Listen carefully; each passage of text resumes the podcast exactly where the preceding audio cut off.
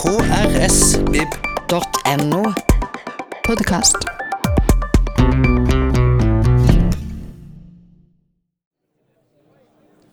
Hei og hjertelig velkommen til Fredagslunsj. Um, I går så var det nærmest stille om brexit. for Journalistene kasta seg på han Julian Assange. Og jeg tror noen følte litt lettelse med Det var veldig lite nyheter om brexit, iallfall sånn på nyhetskanaler og sånn. Men det er jo et salig kaos. Uh, og de siste ukene og månedene har kaoset herja som bare det. Først så skulle britene melde seg ut 29.3, og utsatt til i dag.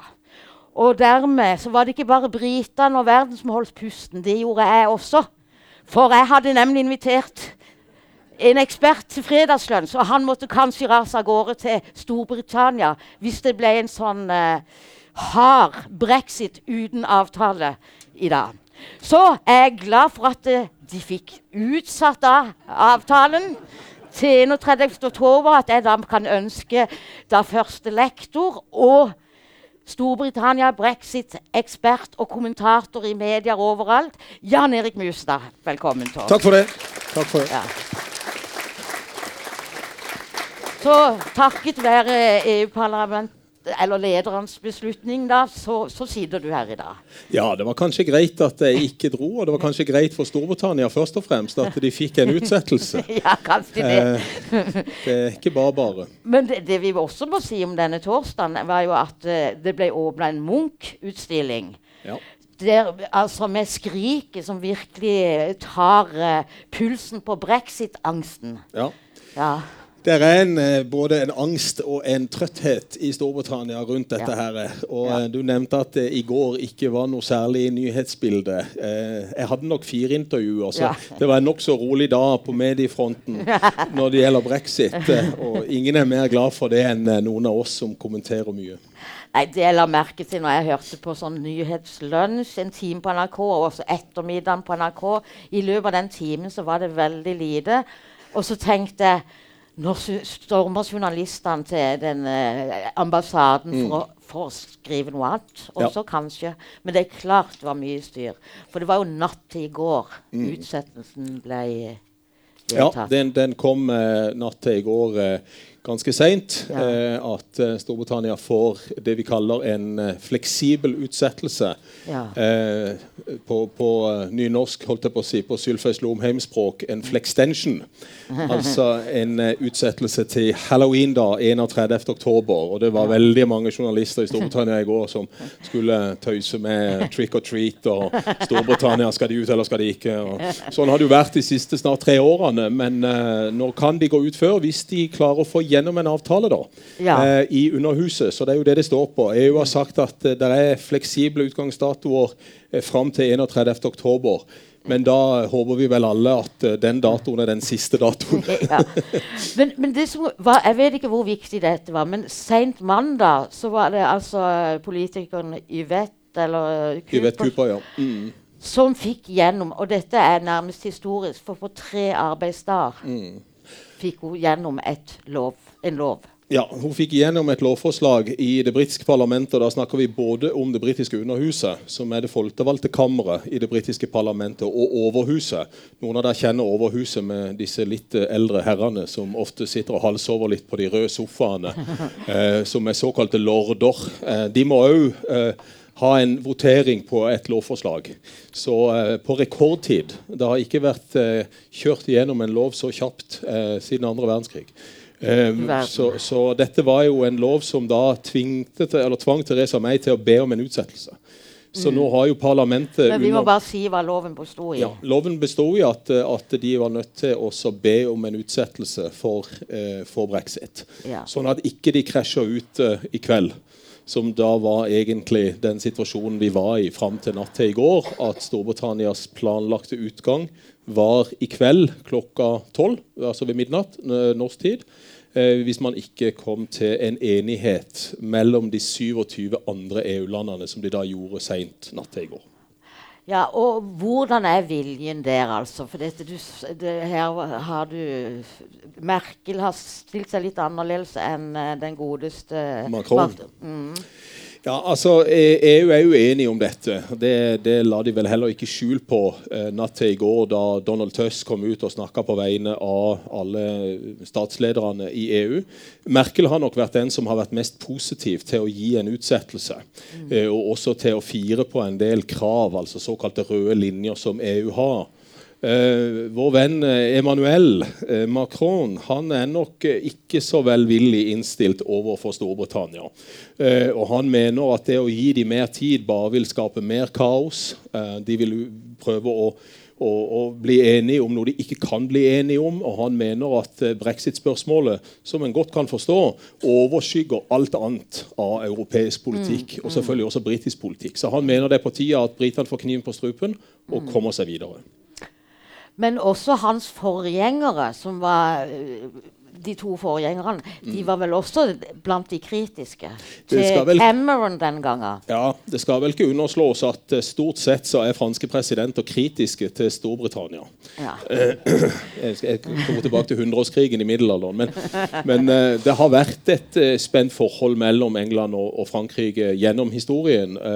og så var de allierte i det 20. århundre under krigene, og selvfølgelig har de veldig mye til felles fordi at de ligger så nærme hverandre. De er jo naboer. Men, men, samtidig så er nok nå Frankrike litt lei av at britene får lov til å kjøre dette mer eller mindre ut i, i, uh, i evigheten, ser det ut til. Ja, men um Uh, og her har jeg lest, og det, heter, Du er jo redaktør for en uh, side uh, som heter Den heter britiskpolitikk.no. og ja. vi, vi, er et par fagfolk som er inne og, og hjelper med med å redigere den sida og skrive litt og legge ut litt. Og, og sånt. Den er verdt å følge med på. Så, så der er det mye snacks. Ja.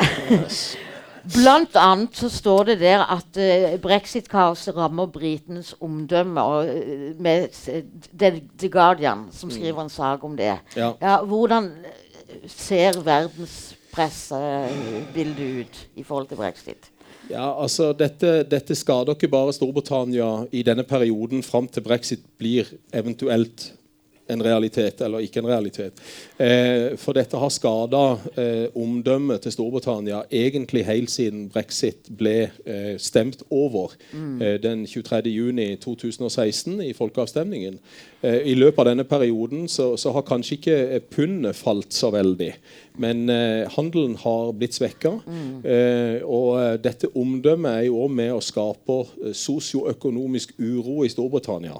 Eh, og det er jo noe britene nå føler, kanskje ikke bare i forhold til at lommeboka blir tynnere og tynnere, og antagelig kommer til å bli enda tynnere hvis de nå går mm. ut med en, si, en dårlig avtale. Mm. Så, så, tar vi for gitt at de kanskje kommer til å gå ut med en avtale. Men også dette flauhets bildet.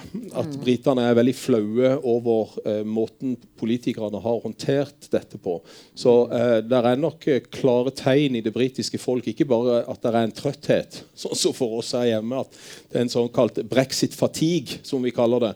Uh, men, men, de er nok mer opptatt av dette omdømmet, og at mm. Storbritannia får så vanvittig mye dårlig presse utenfor Storbritannia. For så vidt også i Storbritannia. At ikke politikerne makter å gjøre noe med, med, med denne fastlåste situasjonen som egentlig har vært ganske lenge nå. Ja, New York Times Storbritannia har godt av skaftet. Ja, det kan ikke. Uh, landet har bestemt seg for å begå politisk selvmord, men kan ikke engang bli enige om hvordan de skal ta livet av seg selv. Den er jo, ja.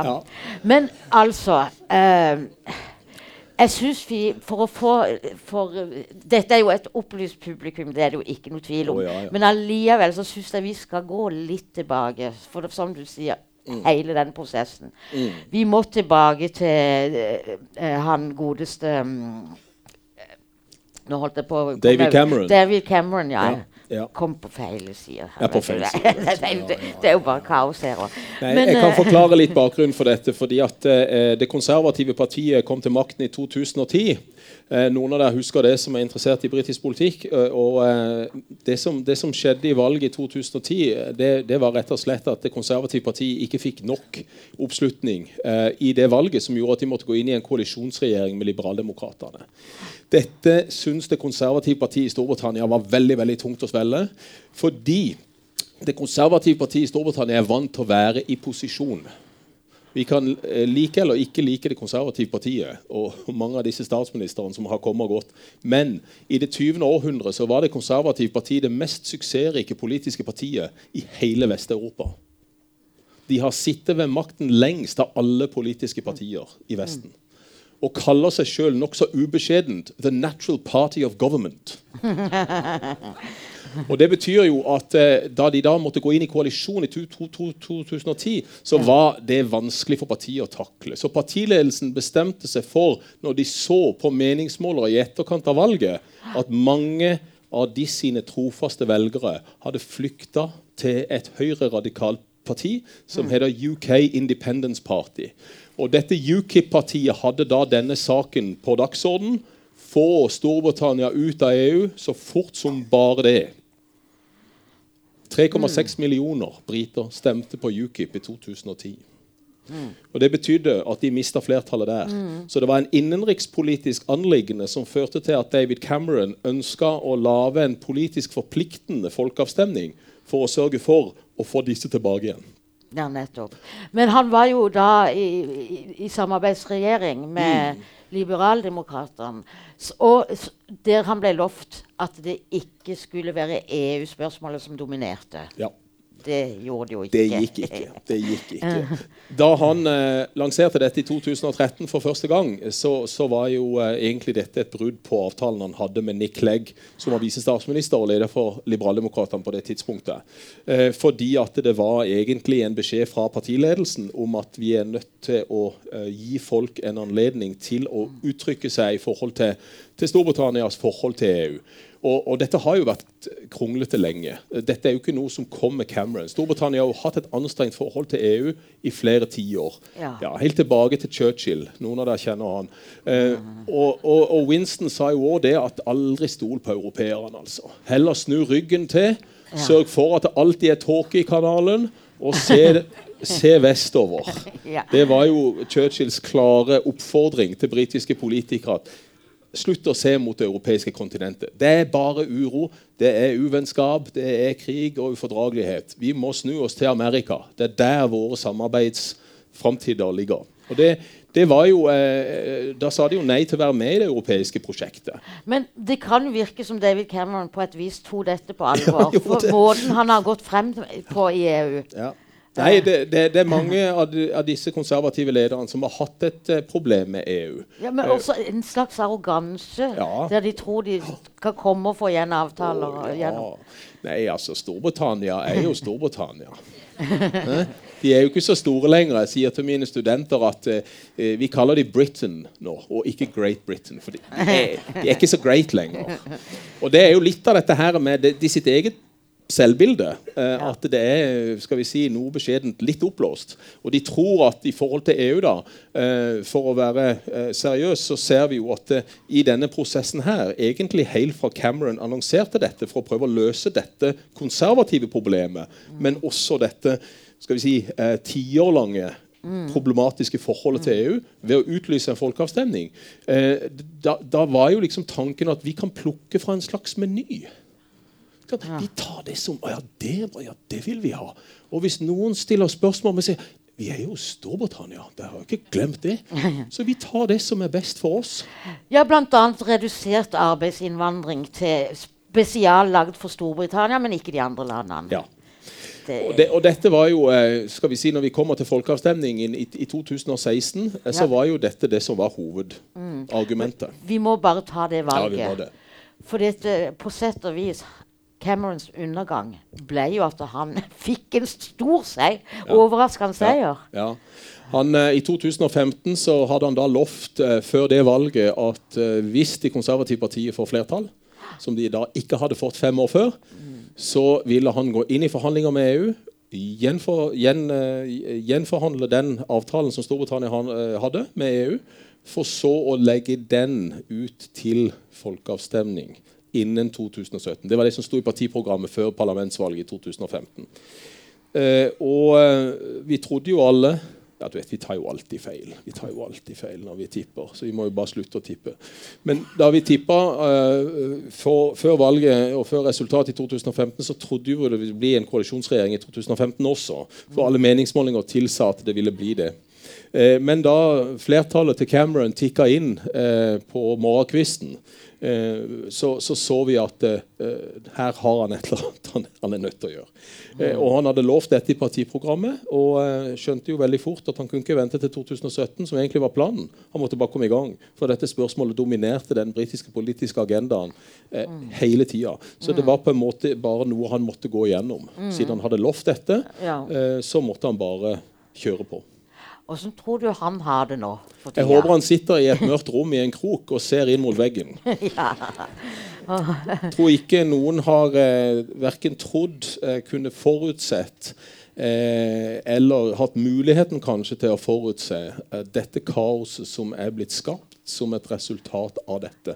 Intern eh, politisk politikk, egentlig. Intern politisk politikk, egentlig. Men, men selvfølgelig også utenrikspolitikk etter hvert. Men, men det å prøve å løse det konservative partiets EU-dilemma, det var utgangspunktet hans. Han ville ta tyren ved hornet og prøve å begrave dette EU-spøkelset for det konservative partiet, for å sørge for at de kunne eh, få flertall i, i større monn enn det de hadde fått tidligere.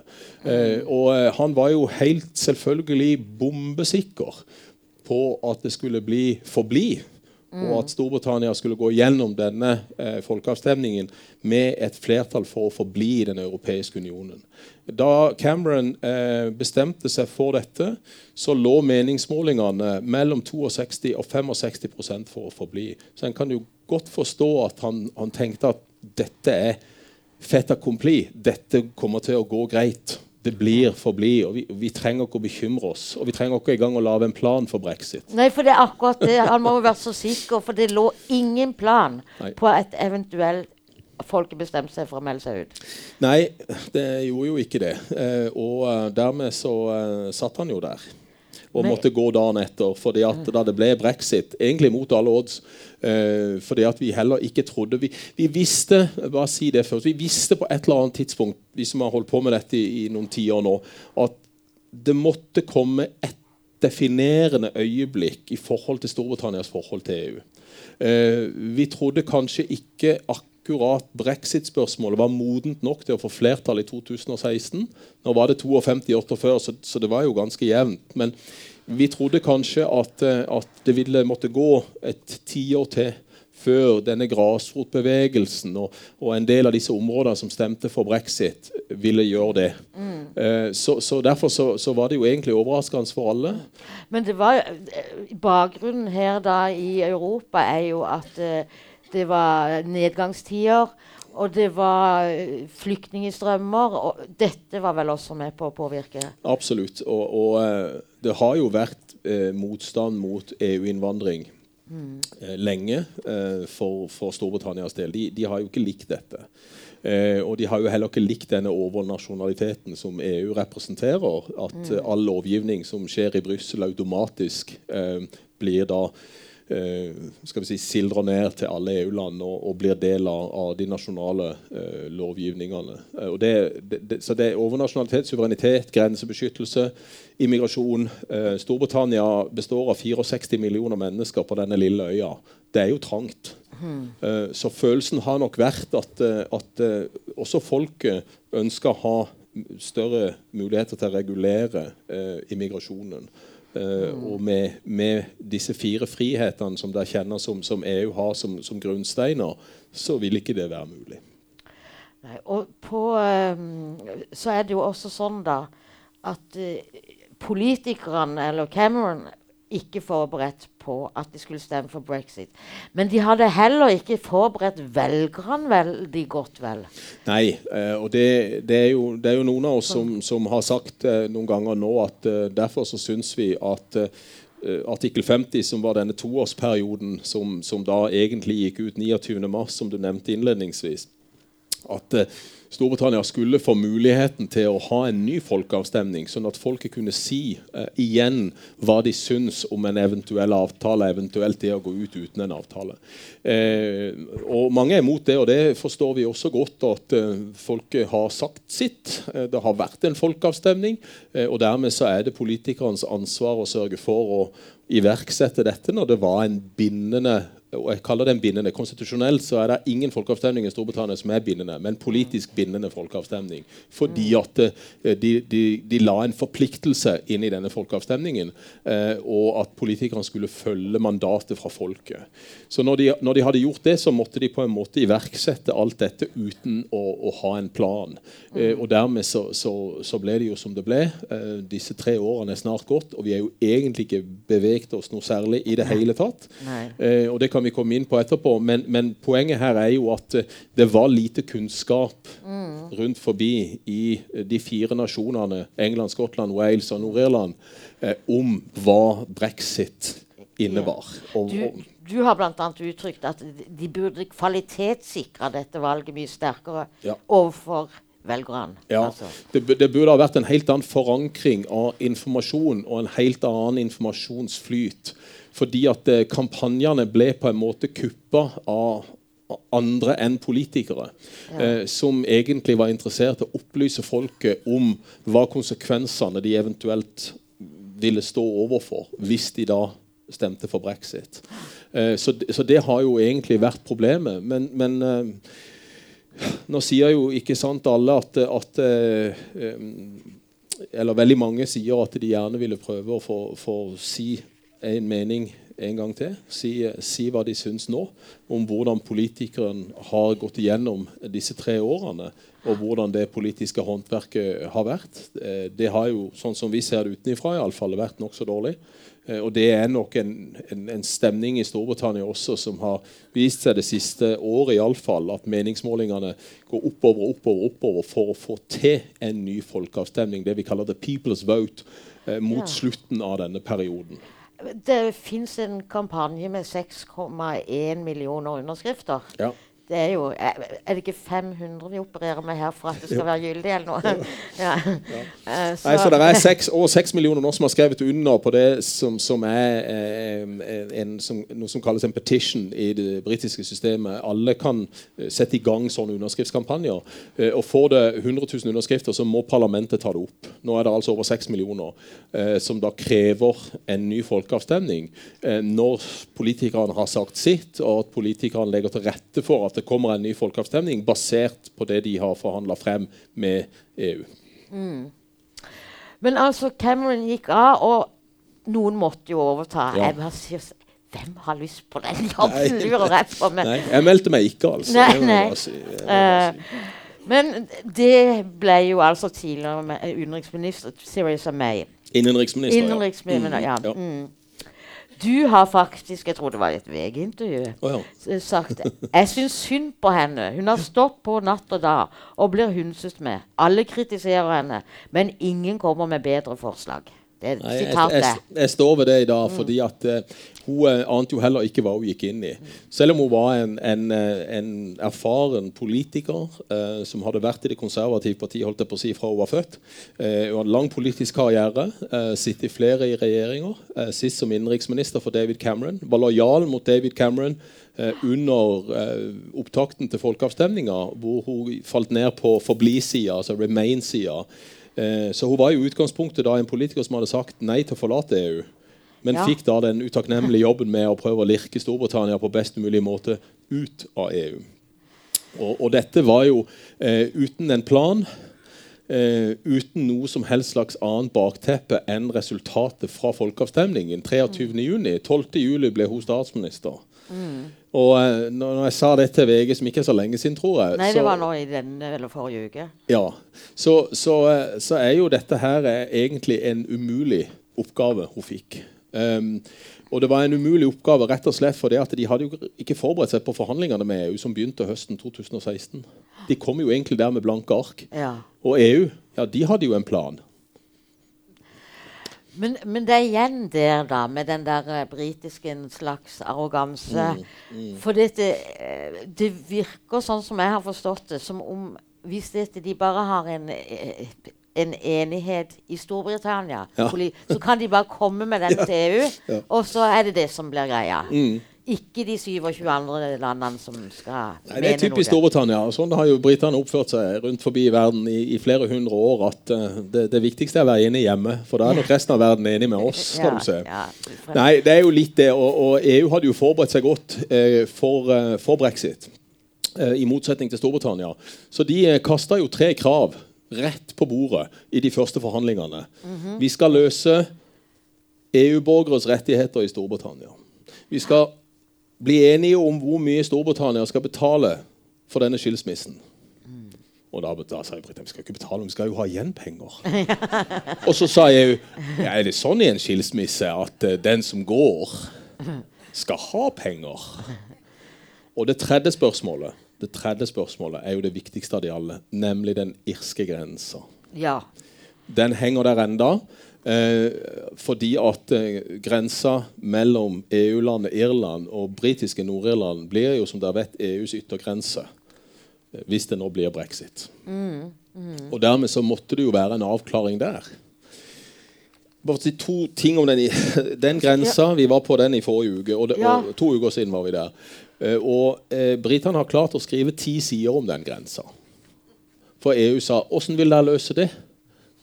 Og britene så på hverandre og tenkte nei, det hadde de jo egentlig ikke tenkt så veldig mye på.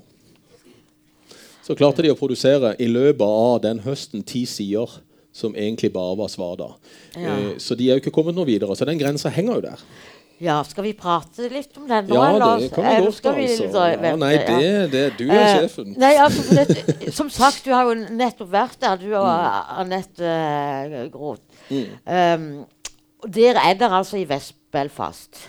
Uh, og du ser, altså for oss som da har sett uh, filminga som blir gjort der, så altså er det tre meter høy som blikk ja, Det er ikke grensa. Det er fredsmurene ja, ja, i Belfast. Fredsmur. Ja, Nå er jeg på fred... Beklager. Nei, grensa er helt åpen. Ja, ja. Grensa er helt usynlig og åpen. Så, uh, så, så det, den er, men vi tar de fredsmurene nå, som går i, gjennom I Belfast. Belfast. Mm. Der det er så atskilt mm. altså mellom katolik, katolikker og protestanter. Det mm. fins et sentrum i Belfast mm. som er åpent for alle. Ja. Men folk bor på hver sin side og jobber i hver sine sider. Og, ja, det, og det hender. Det, det, er litt opp og ned. Belfast og Londonderry, eller Derry som, som katolikkene, nasjonalistene, kaller det, eh, har en del av disse fredsmurene. For etter langfredagsavtalen ble undertegna i Nord-Irland i 1998, så fant en ut at eh, noe av egentlig fundamentet for freden var at disse gruppene ble adskilt, og ble holdt atskilt. Eh, så både i Belfast og i Derry eller London-Derry så er jo sentrum det vi kaller miksa områder. Eh, mens forstedene har da disse delingene. I Vest-Belfast, som, eh, som, du så på den videoen fra britiskpolitikk.no, så viser jeg de høyeste fredsmurene, som de kaller det. Det, det. det, høres ut som en sånn triumferende term. Eh, fredsmurer. Eh, men, men, dette er egentlig hele prinsippet for langfredagsavtalen. At disse befolkningene, eh, de to gruppene skal holdes atskilte fra hverandre, spesielt i Vest-Belfast. For området som heter Shankill Road, eller Shankill-området, er et gammelt protestantisk område. Noen av dere har vært der. Og det det grenser til Falls-området, som er et katolsk, nasjonalistisk område. Eh, og eh, Mange er redd for at disse fredsmurene skal forsvinne. altså. Så det, ja. så det, er jo det som er Selv eh, så mange år etter 1998, altså 20 år etter, så er de enda redd for at freden kan være trua.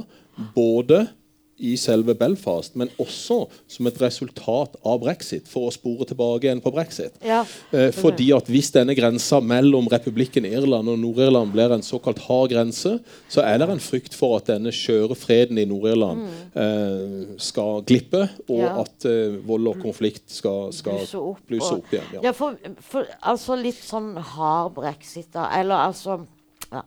Uh, hva kan skje med de åpne grensene da? Altså, dette har jo snakk om handel og menneske... Det har, det har, det Så, så hvis det blir eh, det vi kaller en hard brexit, at Storbritannia går helt ut uten noe avtale, mm. eh, og at det ikke er noe medlemskap i noe tollunion, det ikke er noe medlemskap som knytter de til et indre marked, eh, og at det vil bli en fysisk grense, for da må det bli en fysisk grense mellom Irland og Nord-Irland. Ja, og, og da kan en ikke unngå å ha denne grensa lukka.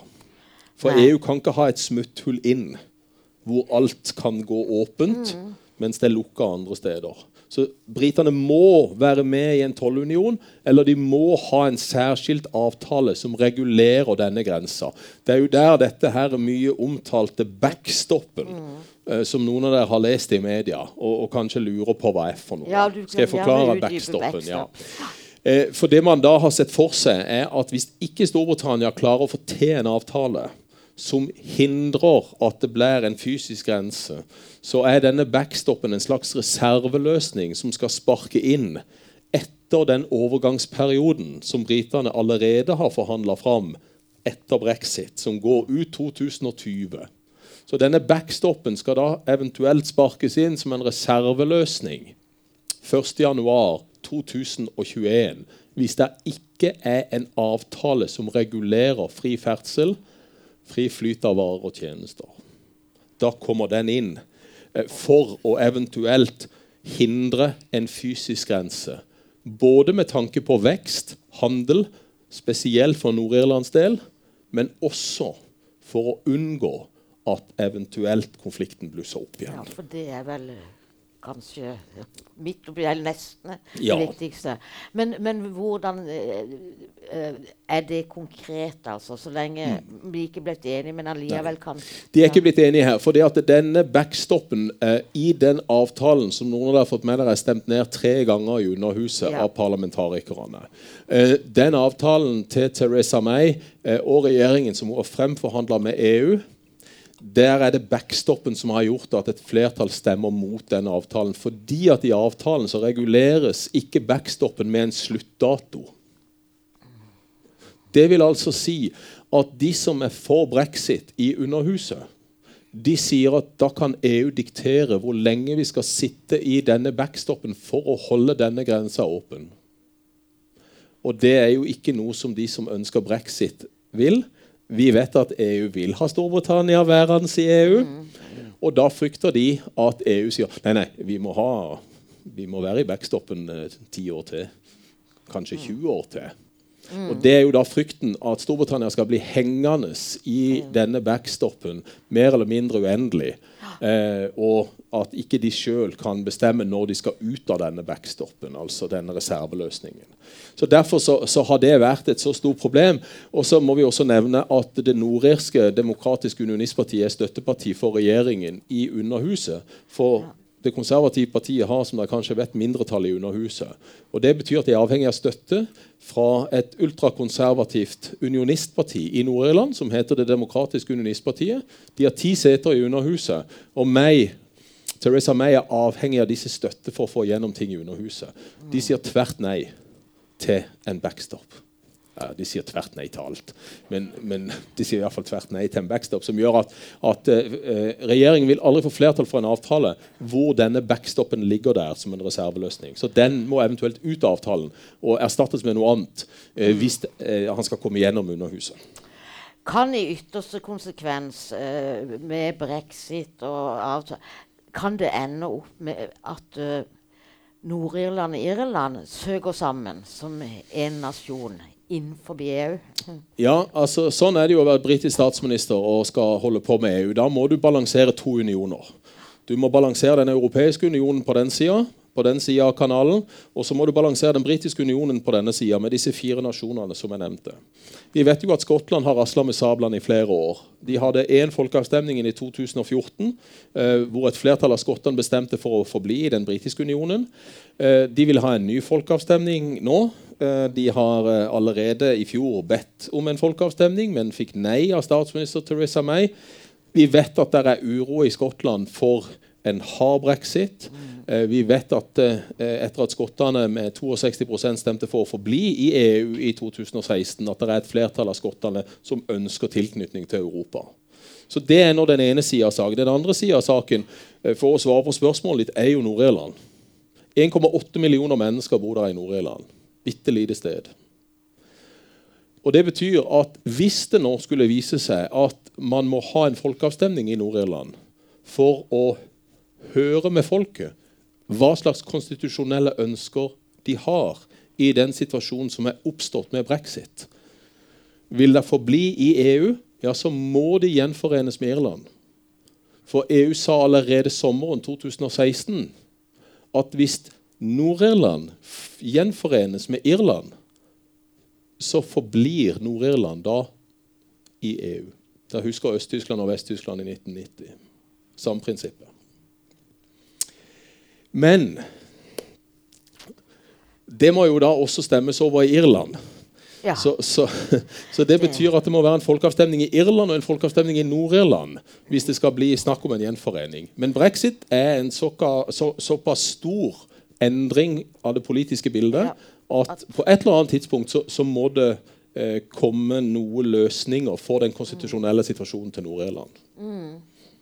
Men uh, ja, uh, mm. sånn som jeg leser, så uh, fins det muligheter for at det faktisk ville bli en sånn mulig forening. Selv om de må jo operere sånn som folk snakke om i Belfast, med disse fredsmurene. Det, det, er 100 stykker av de i Nord-Irland, eller mm. mer. Mm. ja, altså um, Det er snakk om en grenseavstemning på begge sider av grensa.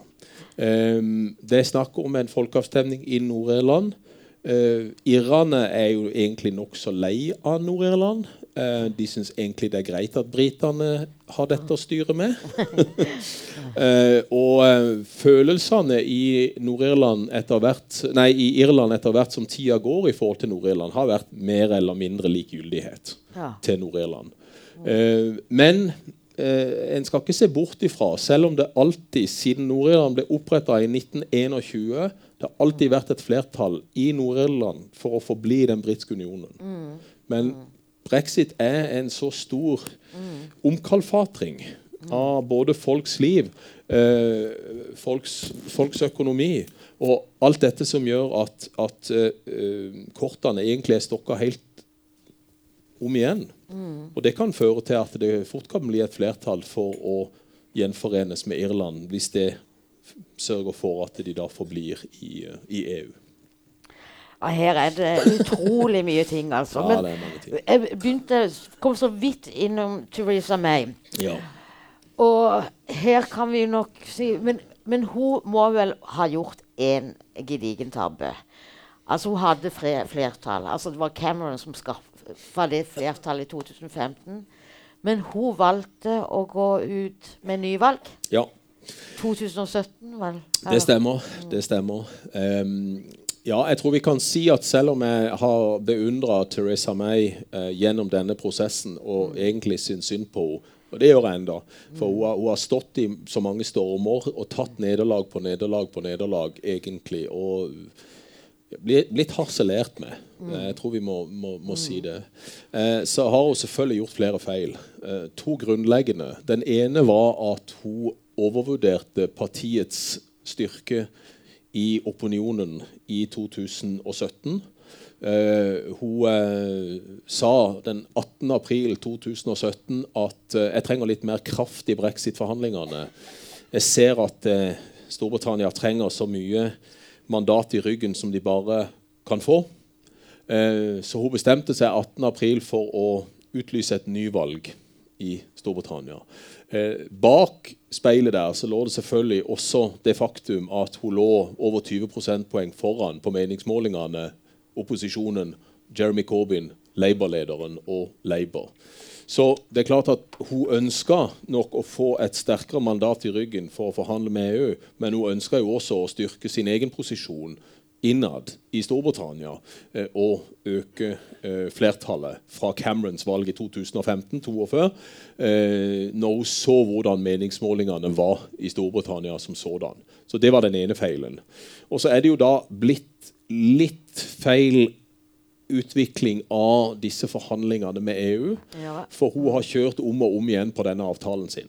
Mm. Og Det kan vi komme mm. tilbake til. Men hun har jo til og med i går, da hun sto i parlamentet og sa 'min avtale' Akkurat som det er den eneste avtalen som gjelder. Så hun har klart kjørt seg inn i dette sporet at det er den avtalen som gjelder.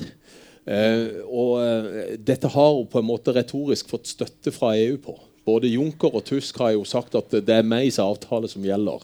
Så hun har fått litt vann på mølla der og Ja. sagt at liksom, ja, det er min avtale. Og nå er denne avtalen nedstemt tre ganger. Og the speaker, eh, denne fargerike Ja, han Order! ja, order. Uh, speakeren i Underhuset, som, som er kjent for samme type slips som mine sokker uh, um, slips, Han er jo en farveklatt, han, men han har mye makt i Underhuset til å sette dagsorden og bestemme hvilke uh, endringsforslag og lovforslag som skal stemmes over. Han har nekta da en ny omgang med Hoses-avtale hvis han er lik den forrige.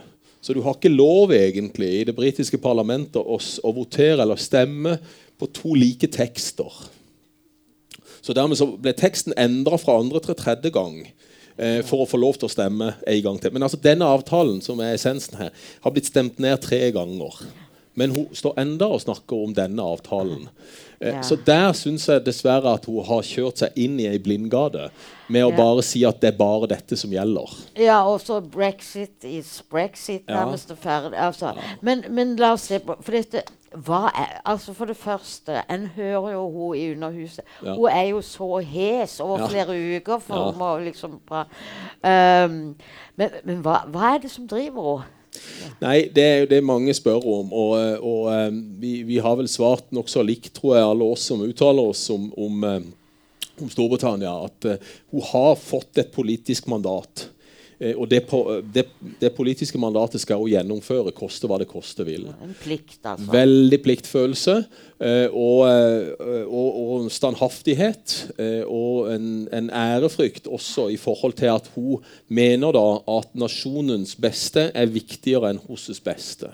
Det er nok grunnen til at hun står i denne voldsomme stormen. Eh, rett og slett fordi at her er det viktig for Storbritannia å gå ut med en avtale. Eh, HOSES-avtale, underforstått. Eh, og at det er viktigere enn Hosses eh, politiske karriere eller regjeringens politiske liv eller Underhusets politiske liv. Fordi at brexit er det største politiske spørsmålet i Storbritannia siden andre verdenskrig. Og det betyr at denne standhaftigheten eh, den, den, den ligger altså så dypt forankra i henne at denne oppgaven har hun fått. Og hun har forbanna seg på at denne oppgaven skal hun gjennomføre, koste hva det koste vil. Det står jo respekt Ja. av det, for uh, moro virker det ikke. Nei, jeg, jeg tror det var, det var derfor jeg tenkte at, eh, at eh, kanskje jeg, som jeg, sa, jeg hadde ikke lyst til å ta den jobben da han ble, ble, ble utlyst, holdt jeg på å si. Eh, nei, jeg tror ikke det er moro. Eh, så, så det er klart at hun har en, en veldig sterk pliktfølelse. Eh, og jeg er blitt sammenligna med en annen dame med en håndveske Ja, som begynner snart å bli 100 år. Som det ble sagt i går i flere aviser at nå syns vi at dronninga skal ordne opp i dette her. For nå har politikerne utspilt sin rolle. Og vi må jo huske at det er jo dronninga som er statsoverhode. Ja, Og de møtes til samtale hver uke. Har Ja. du en tanke om at det er greie Om det er lystige samtaler. Nei, altså det er jo ofte en har lyst til å være flue på veggen. Og det var jo et, eh, et, eh, et, eh, et skuespill om dette for noen år siden som Ja. het The Audience.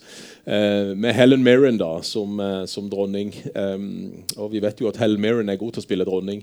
Hun var jo også stand-in for dronninga under åpningen av olympiaden i 2012. Jeg husker at James Bond gikk og, og, og eh, kidnappa dronninga. Ja, ja. Og så, så, så, så dette teamet da, som skulle lage denne videoen, de henvendte seg til Slottet og sa det at vi vil gjerne kidnappe dronning Elisabeth.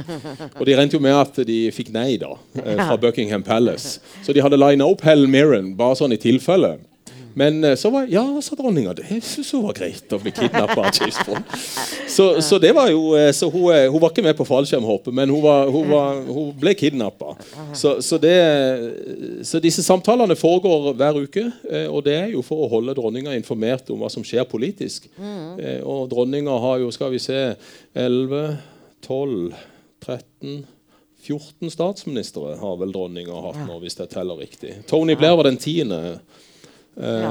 Og eh, hun har sittet på tronen siden 1952. ja. Du, Og før vi ble født. eh, Ja, men du, jeg må Dette er et sidespor kort. Jeg bare tenker eh, Åssen har han prins Charles, altså 70 år, og Ja. ikke fått kommet til jobben sin ennå? Nei, eh, prins Charles er pensjonist. um, Ja. Så han er jo den Ja, men- eh, lengstlevende Prince of Wales, som er tittelen på arveprinsen i Storbritannia. Han er den lengstlevende prins of Wales eh, i historien. Altså den som har venta på tronen lengst. Men når en tenker på at eh, bestemora hans ble 101, Ja. så må snart 101 være ute for mora òg. ja. Jo, jo. Men eh, liksom du har ja, Og så er det jo en del som bare ønsker at de skal hoppe over det leddet etter at han har sittet og venta i 70 år. Ja, det, det kommer ikke til å skje. Nei. Nei. nei. Men no, nok om det. Altså um, Theresa May Hvis du skulle sammenligne med altså Hun er jo den, i fall den største kvinnelige sterke politikeren siden Margaret Thatcher. Har de noe felles, bortsett fra politi, eh, partitilhørigheter? Ja, eh, de har en del felles. Det har de. Eh, det er de to kvinnelige statsministrene vi har hatt i Storbritannia. Eh, så eh, bare det er jo noe de har felles. Ja. Eh, partitilhørighet. Litt av denne standhaftigheten. Eh, Thatcher var nok en tydeligere, klarere og mer hardtslående politiker enn det Teresa May Kanskje eh, er. litt mer retorisk spennende Ja. saler og Jeg så Thatcher i Underhuset i 1988. eh, og det er liksom hun og Tony Blair i etterkrigstida, uh, hvis en ser bort fra Churchill, som har hatt disse voldsomme retoriske talegavene. Eh, det, det er det ingen som, som, som har hatt siden, siden de. Og det har ikke Theresa May heller. Så hun er nok en mer forsiktig politiker og, og mer en sånn konsensussøkende politiker.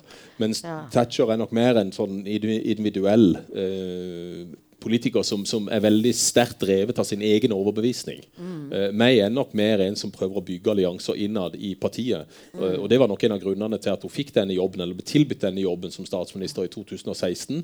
For de mente at hun hadde de egenskapene som skulle til for å få dette i, i, i havn. Ja. Uh, men ja, så når du ser disse talegavene til Blair og Thatcher. Thatcher De har ikke hun. Altså, vi, vi skal ha respekt for at hun står der så tydelig. Men, men folk syns kanskje hun blir litt kjedelig i lengden. Litt gjentagende med avtalene sine og Ja. litt forskjellige. Det er jo det, for det, og, det, og det illustrerer jo egentlig at det, det har ikke vært noe mer. Altså Hun har på en måte ikke noe mer å komme med. Og det er jo det som jeg synes var den, den andre store feilen som jeg trakk fram her i stad. At hun har kjørt seg inn i denne blindgata med denne avtalen. Dermed så går hun på repeat.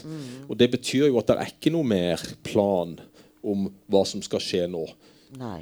Vi er ikke i Storbritannia jeg sier vi, vant til tverrpolitisk samarbeid, sånn som Norge er. Det er ikke noen parlamentariske tradisjoner i Storbritannia for å ha tverrfaglig samarbeid.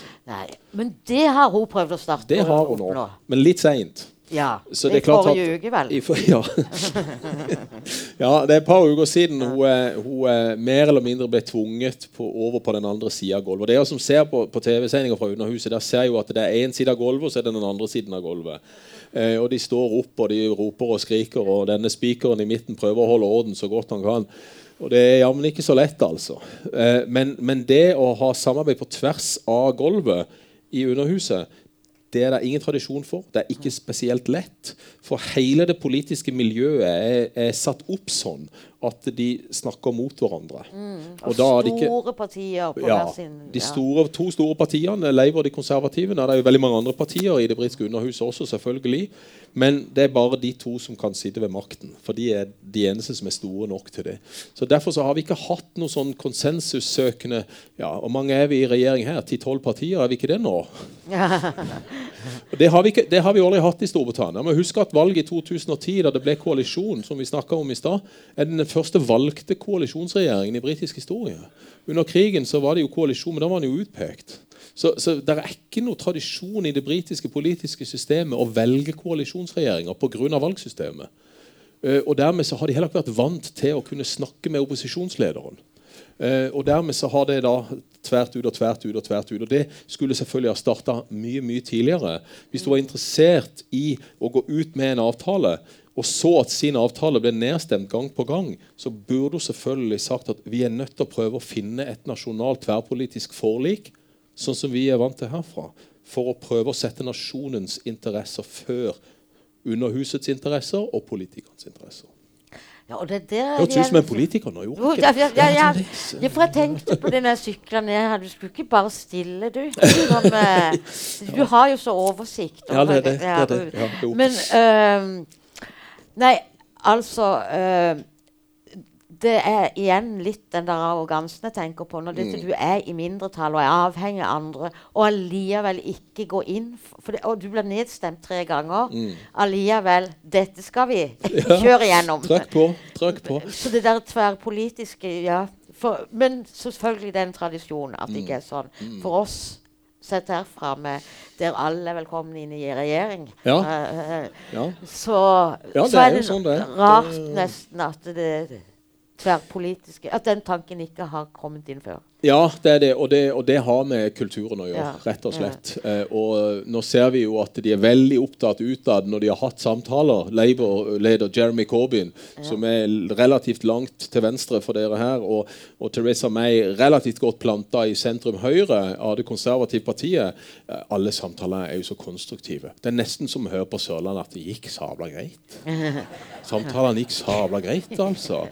Uten at du egentlig vet eh, hva det innebærer, eller hva det betyr. Eh, så var samtalene i Storbritannia veldig constructive. Ikke sant? Og, og, men det er jo ingenting som er kommet ut av disse samtalene ennå. Men det, det er likevel der håpet nå ligger. Det er der håpet ligger. Akkurat i dag, fredag 12. april, og vi er klokka eh, 12.20, så er det samtaler mellom Labour og de konservative for å prøve å finne en vei videre. De må antagelig skape en ny vei, for de fleste av de veiene de har prøvd, har jo nå blitt mørklagt. Én etter én. Og jeg tviler på de klarer å lyse opp igjen noen av disse mørklagte veiene. Så spørsmålet er jo nå om det skal skapes et nytt rom, eller lages en ny vei, som de sammen kan gå ned tverrpolitisk for å prøve å finne en vei ut av dette kaoset. Men vil det si da en uh, ny avtale om brexit, eller vil det si gå motsatt vei? Og etter alt kaoset så er det stor ståhei for ingenting, og vi er tilbake til at vi blir i EU? Så min kollega eh, Erik Oddvar Eriksen på, på Arena, eh, Senter for europaforskning på Universitetet i Oslo, eh, han sa i går, eh, og dette har vi snakka om mange ganger Det går ikke an å forlate EU. Og det har forskerne visst lenge. Altså, det, eh, Og så har jo noen av dere leser Dagens Næringsliv, og, og der er det jo en av de beste Storbritannia-kommentatorene, syns jeg, Kjetil Widsvang. Eh, og eh, Kjetil hadde jo også denne Hotel California, for dere som kjenner Eagles-sangen. At uh, you, can leave, you can check out, but you can never leave. Eh, og det, der ligger det jo litt av sannheten. For det at som, som, som union så forhandler egentlig ikke EU med noen. EU sier at sånn og sånn er det. Og så får land som da ønsker seg tilknytning, sånn som Norge, finne løsninger som passer. Så dette har jo vært Storbritannias dilemma hele veien. At EU og de 27 medlemslandene de har sitt regelverk. De har sine ordninger. Storbritannia har ikke vært villig til å passe, passe seg sjøl inn i noen av de ordningene. Så eh, på et eller annet tidspunkt nå ganske snart så må det enten komme det vi kaller en game changer. Altså noe må skje. Enten med parlamentet, at parlamentet oppløser seg sjøl, at det kommer en mistillit mot Theresa May som gjør at vi får et nytt parlamentsvalg. En er ikke garantert noen annen konstellasjon i Underhuset som eventuelt vil, vil føre til en løsning, Nei. men det er kanskje en mulighet. Og hva med ny folkeavstemning? Og så er det da den andre eh, game changeren som kan være en ny folkeavstemning. Hvis det nå skulle vise seg, mot alle odds, at Labour og de konservative blir enige om en avtale. De snur seg til EU og har sagt at nå er vi enige. Hva sier dere til dette? Juncker, Tusk, 27 medlemsland i EU. Og hvis EU sier jo, men dette høres greit ut, så kan da eh, Labour ha satt som krav til det de ble enige om i denne eventuelle avtalen, at den skal stemmes over av folket etterpå. Så at hvis det skulle vise seg at en tverrpolitisk avtale var mulig, så kan Labour legge inn som krav flere ting. Men en av de tingene de kan legge inn, er å si at vi kan gå med på det, men da må folket få få avsagt sin dom over denne avtalen til syvende og sist. Og da er spørsmålet i en ny folkeavstemning klinkende klar. Synes dere at dette er en god avtale for Storbritannia? Eller skal vi forbli i EU? Eh, så det er, jo, det, er da, det er, jo, grunnen til at de har fått denne flextensionen. Altså mm. denne fleksible utgangsmuligheten. Fordi at det å ha en ny folkeavstemning det tar eh, ca. seks måneder. Ja. Og så midt oppi det hele så skal det jo være parlamentsvalg i EU 23. Ja. mai. Ja. Og, og skal, skal, Storbritannia stemme da? De må Ja, de må det nå. Så ja. det er jo dette da som også er ganske snodig. Eh, fordi at eh, det er snart tre år siden de meldte seg ut. De har utsatt utgangen fra 29. mars til i dag, og nå til 31. oktober. Mm. 23. mai er det valg til EU-parlamentet i Storbritannia. Sånn som det ligger i dag, så har britene to muligheter når det gjelder det. Enten at de blir enige om noe før den 23. mai, altså senest den 22. mai, som også var en dato som EU hadde gitt de anledning til å gå ut på hvis en avtale ble godkjent av det britiske parlamentet. Det er enda noe Teresa May jobber mot. Ja. Å få til en avtale før parlamentsvalget til EU-parlamentet, så de slipper å være med på det. For det er klart, å ha et valg til EU-parlamentet når de har bestemt at de skal ut ja. Ja, det, det, I går kom det reaksjoner fra de politiske partiene som stiller til EU-valg. og De sa de gadd ikke å drive valgkamp. Det var så vidt de gadd å stille kandidater. Nei, for dette, du, eh, vi må, Jeg skal fort med litt her nå, men erkekonservative Jacob uh, Rees-Mogg, f.eks. Mm, han, mm. han, har jo, han har jo virkelig stått for en hard brexit. Ja. Men nå stemte han for den siste, uh, avtalen siste gang. Ja. For dette, vil, det er bedre å komme seg ut på et vis eller ikke. Ja. Men sånne mennesker som det vil de være interessert i å sitte i EU-parlamentet og lage kvalm? Nei, han vil ikke det. Eh, og disse harde brexiterne de er jo nå mer eller mindre redd for eh, og at, at, Storbritannia forblir. Så da, da, støtter de alle mulige forslag for å komme seg ut. For mm. det er det mm. viktigste for dem. Mm. Uh, så for alle brexiterne som både stemte i folkeavstemningen, det britiske folket, og de politikerne som ønsker brexit, de vil nå se det som formålstjenlig å komme seg ut. Mer eller mindre uavhengig av om det blir en hard eller soft brexit. Men de vil bare ha en brexit. Mm. Så Jacob Rees-Mogg, Boris Johnson Michael Gove, mange av disse, Liam Fox, mange av disse navnene som, som figurerer i media som brexitere, de ønsker å støtte en avtale. For de er redd for at hvis vi ikke får til en avtale, så blir det ikke brexit i det hele tatt. Og Theresa May har sagt at hvis de får til en avtale, så kan hun gå av. Ja. Altså, det, det, Den er for meg litt sånn og, altså, Betyr det så mye å få henne vekk at da får vi heller stemme for en historisk viktig avtale. Ja. Det betyr veldig mye for veldig mange i de konservative partiene å få henne vekk, dessverre. Uh, fordi at uh, hun har gjort seg veldig upopulær i løpet av disse tre årene. Uh, hun har egentlig blitt holdt som et slags gissel fra høyresida i partiet. Jacob Rees-Mogg eh, og Boris Johnson i litt for lang tid, syns jeg. Mm. Men der er mye motstand mot henne. Eh, og eh, hun sa jo det før siste avstemning at hvis dere bare stemmer for denne avtalen, så trekker jeg meg. Hun har sagt at hun ikke kommer til å stille i neste parlamentsvalg, så det vet vi. Hun vil ikke stille som, som eh, de konservatives partileder da, men nå framskynder hun det på en måte og gjorde seg enda mer utsatt. Ja. Mm. Med å si at hvis jeg bare stemmer ja til denne avtalen, så kan jeg godt gå av dagen etter. Det er de facto det hun har sagt. Altså. Og hva syns du hun burde Når hun får litt mer fritid, hva syns du hun burde holde på med? Syns hun burde ta seg av mannen sin. Eh, ja. Han er en kjekk kar, han mannen. Så eh, nei, sa, hun, eh, hun, kommer til å trekke seg helt ut av politikken, tror jeg. For dette her har vært en, en øvelse eh, i, i, galskap, for å si det rett ut. Politisk mm. galskap. Og uh, hun har fått virkelig smake alt som, som, mm. som, kan smakes av, av negativ medisin. Storbritannia er splitta. De er notorisk splitta i dette spørsmålet. Det har de vært lenge. Nå kom det fram i 2016. Og dette er disse tre årene etter 2016 har egentlig bare splitta enda mer det britiske folket enn det det var i 2016. Politikerne har en stor skyld i at denne splittelsen er blitt enda skarpere i kantene. Eh, og det britiske underhuset er splitta. Alle er splitta i dette spørsmålet. Så alle kan ikke få viljen sin. Det lærte vi jo allerede i barnehaven. At hvis folk, folk har forskjellige synspunkter, så er det noen som må gi. Det er noen som må fire. Og det er det jo ingen som har ønska til nå. Og midt oppi dette så har barnehavetanta stått og prøvd å fordele disse spadene så godt hun kan. Men det er jo en umulig oppgave å få spade til alle. Ja. Og så er det bøtter som skal fordeles. Så er det bøtter som skal fordeles i neste omgang. Ja.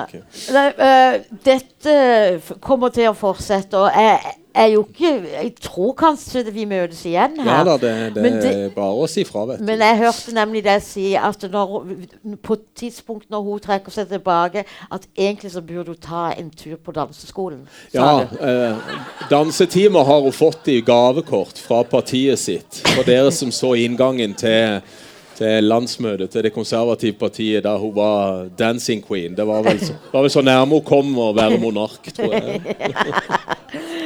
Men så skal jeg bare si Der burde du gå inn og eh, hvis, For dere som er veldig interessert og har lyst til å oppleve brexit-land Altså så er det sånn eh, Hva heter det? Fredrikstad-reise. Altså, poenget er at han skal lage brexit-reiser. Ja. Så der er det muligheter for å virkelig oppleve det hele på nært hold. Ja, vi skal ha en tur i, eh, i eh, høst, Ja. eh, har jeg fått beskjed om. Så jeg har bare booka og sagt at ja, jeg, jeg er med. Til Skottland og til Irland og til Nord-Irland. Ja. Så vi skal prøve å styre litt unna London-bobla. ja. For, for vi må prøve å komme litt ut og se litt andre deler av Storbritannia. Og hvis for, du skal med disse, så må da ikke reise på fredag. Nei, da, det, det, vi skal ikke reise på fredag. Jeg lover det, altså. Ja. Nei, men du, nå, jeg ønsker deg bare Takk for ikke Du informerer jo hele nasjonen om eh, hva som skjer, og at vi fikk ha deg her, er kjempeflott. Så lykke til med videre kaos i Ja, brexit. Og arbeidet ditt for å oppklare dette kaoset. Takk. Tusen takk for at dere kom. God helg, og God tusen påske. takk. Takk for det. Takk for det.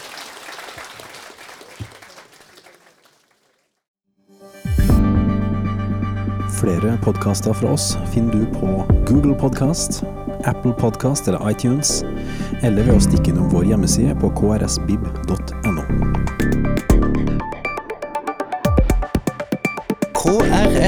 krsbib.no. Podkast.